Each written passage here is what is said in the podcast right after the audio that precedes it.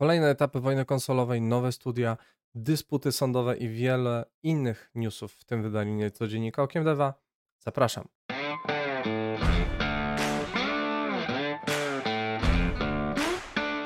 Witam serdecznie, nazywam się Grzegorz Wątroba, a to mój kanał Okiem Deva w dzisiejszym niecodzienniku, czyli nieregularnym podsumowaniu najświeższych wiadomości ze świata gier.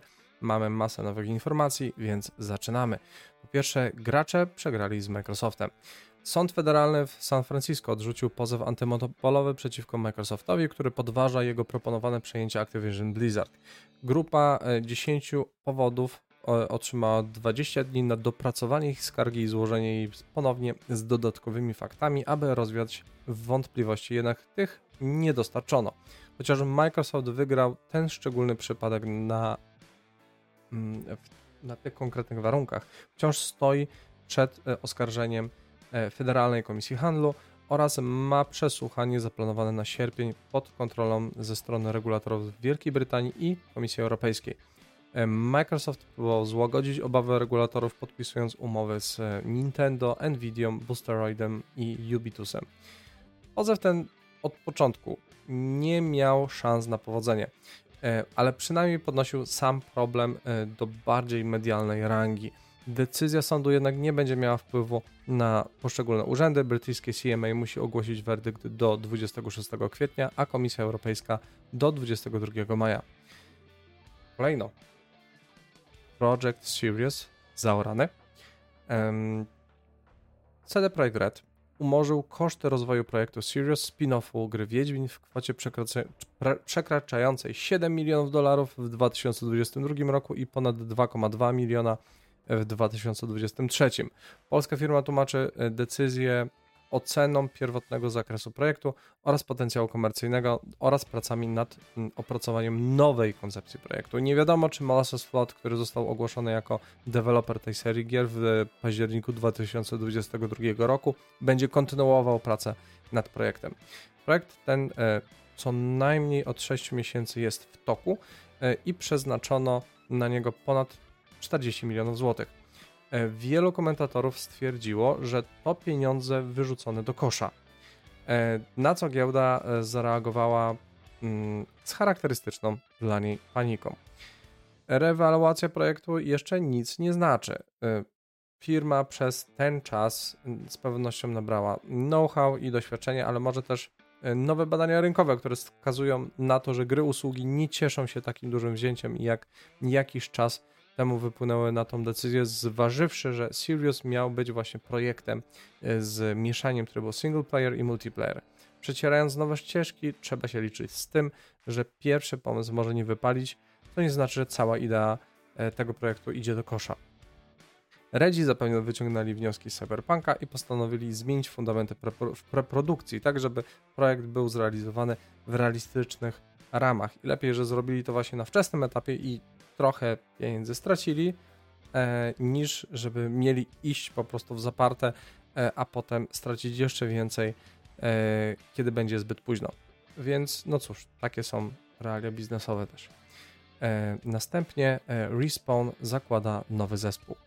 Respawn Entertainment ogłosiło plany otwarcia nowego studia w Madison w stanie Wisconsin, które będzie prowadzone przez Ryana Burnetta, legendarnego producenta z Epic Games. Studio będzie wspierać grę Apex Legends przez e, kolejne 10 do 15 lat z zamiarem uczynienia z niej najlepszej Battle Royale na rynku. Gra ciągle rozwija się i rośnie w siłę, a Respawn zobowiązuje się do dopracowywania i uczynienia z niej produktu światowej klasy, które może przetrwać dłużej niż jakakolwiek inna gra na rynku Battle Royale.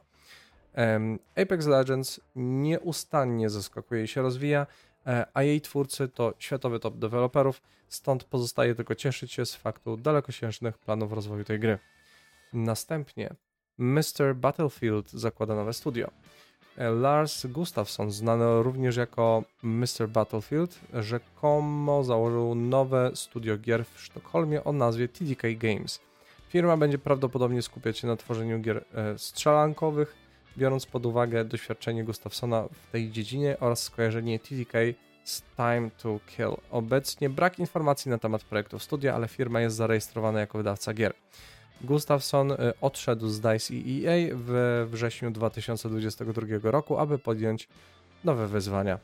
Jest to kolejny dowód na to, że na każdą konsolidację w jednym miejscu dostajemy odpływ talentów i zmianę balansu sił w drugim. Tuzy growego świata postanawiają dzięki swojej ugruntowanej pozycji stworzyć coś nowego, a nam pozostaje tylko trzymać kciuki za nowe, oryginalne projekty. E, następnie oddolna archiwizacja gier kosztuje. E, YouTuber The Completionist wydał 22 791 dolarów kupując wszystkie cyfrowe gry dostępne w e, sklepach eShop, Wii U i 3DS-a, co łącznie daje 2413 tytułów. I tutaj powodem zakupów była potrzeba zachowania gier, zanim eShop zamknie swoje podwoje dla właśnie Wii U i 3DS-a na zawsze w 27 marca 2023 roku. E, Khalil i jego zespół poświęcili 328 dni, aby wykupić całą dostępną ofertę sklepów eShop na obu konsolach. Przekazał on konsolę i nośniki dla Video Game History Foundation, non-profitowej organizacji charytatywnej zajmującej się historią gier wideo. Celem było zapewnienie, że gry będą żyły i pozostaną zapamiętane na przyszłe pokolenia. Pozostaje tylko wyrazić podziw e, dla Gerarda Kalila i cieszyć się, że skoro sam wydawca nie chce zadbać o zapamiętanie gier dla przyszłych pokoleń, to istnieją pasjonaci, e, którzy sami to zorganizują.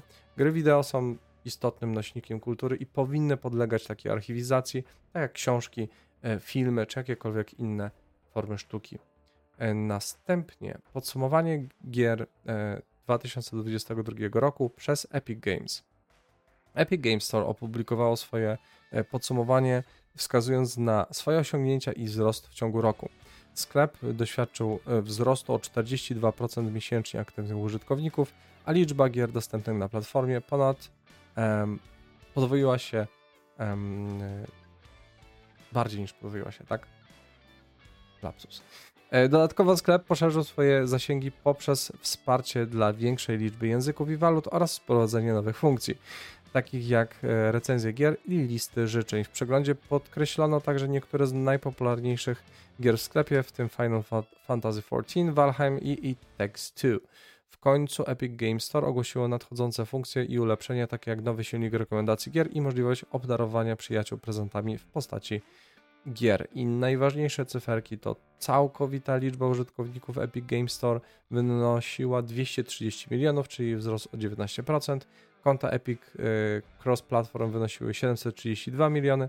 Szczytowa liczba codziennego aktywnych użytkowników wyniosła 34,3 miliona, a miesięczna liczba aktywnych użytkowników wyniosła 68 milionów, czyli to jest wzrost, wzrost o 10%. E, całkowity wydatek w tym na gry Epic wyniósł 820 milionów dolarów, czyli spadek o 2%. Wydatki na gry innych wydawców wyniosły 355 milionów dolarów, czyli wzrost 18%. Liczba bezpłatnych gier, które zostały pobrane, wyniosła 700 milionów i liczba nowych wydań na PC wyniosła 626. E, całkowita liczba gier w bibliotece na PC wynosiła 1548 e, gier, czyli wzrost o 68%. Statystyki pokazują, że Epic Game Store rośnie w siłę, ale nadal no, nie ma startu e, do Steama. Według wszelkich doniesień, o ile twórca nie ma specjalnej umowy z Epic Games, mm, twórcy zarabiają jedynie ułamek tego, co na konkurencyjnej platformie, głównie przez brak systemu rekomendacji na odpowiednim poziomie rozbudowania. Być może się to zmieni w przyszłości, tak jak Epic zapowiada. I temat numeru spór o Zaum trwa.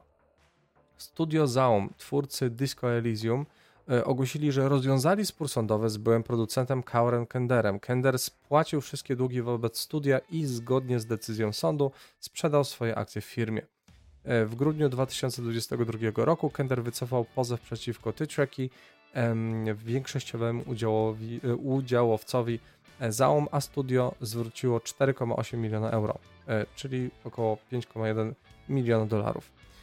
Kompusowi Tytreki po tym, jak pozew został wycofany. W październiku 2022 roku trzej kluczowi twórcy Disco Elysium, Helen Hintper, Robert Kurwitz i Aleksander Rostow ogłosili, e, opuścili firmę przymusowo.